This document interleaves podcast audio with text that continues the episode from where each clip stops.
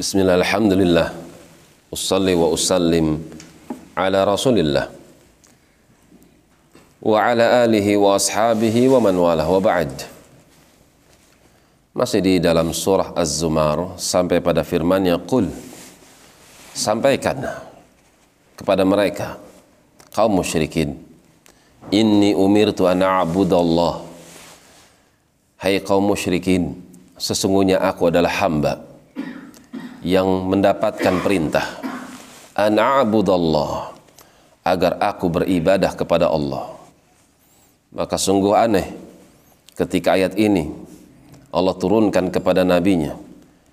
Dan beliau mengucapkan kalimat ini menunjukkan akan statusnya. Beliau adalah hamba yang beribadah kepada Allah. Maka sangatlah aneh kalau ada umatnya yang mereka beribadah kepada Muhammad sallallahu alaihi wasallam mukhlisan lahuddin. Aku diperintahkan untuk beribadah kepada Allah dengan menyerahkan seluruh amalan lahu hanya untuk dia.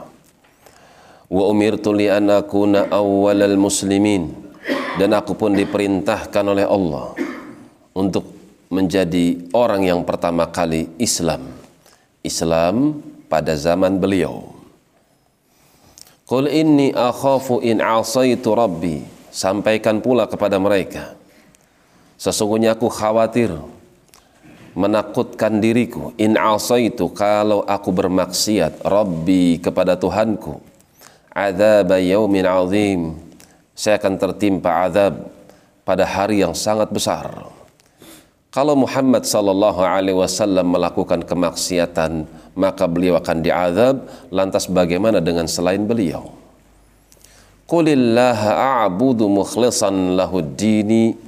Sampaikan pula kepada mereka, Allah lah yang aku ibadati, mukhlisan dengan penuh pengikhlasan, lahu hanya untuk dia, dini dari amalan yang aku kerjakan.